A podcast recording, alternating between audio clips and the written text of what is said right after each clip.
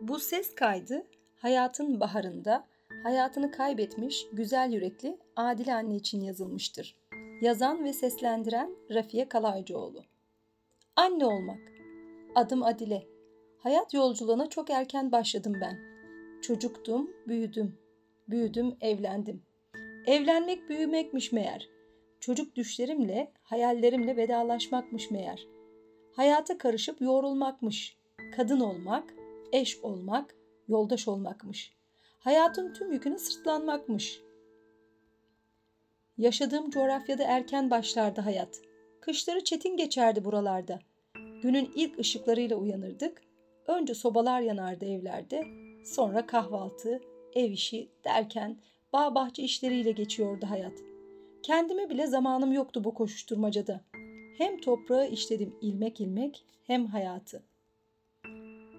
Bu dünyada en çok anne olmayı sevdim ben. Dokuz ay bir cana can katmakta annelik. Dokuz ay süren merak, heyecan, mutluluk.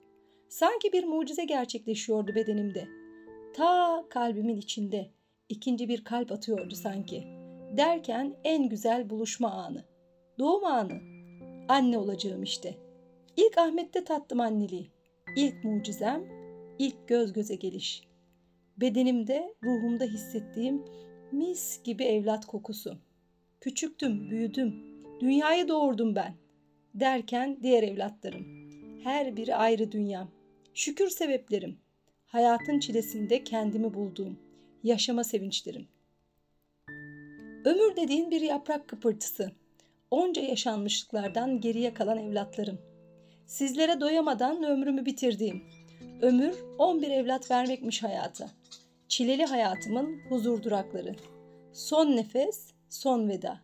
Daha doyamamıştım hayata. Hepinize elveda. Tüm insanlığa adanmış hayatları.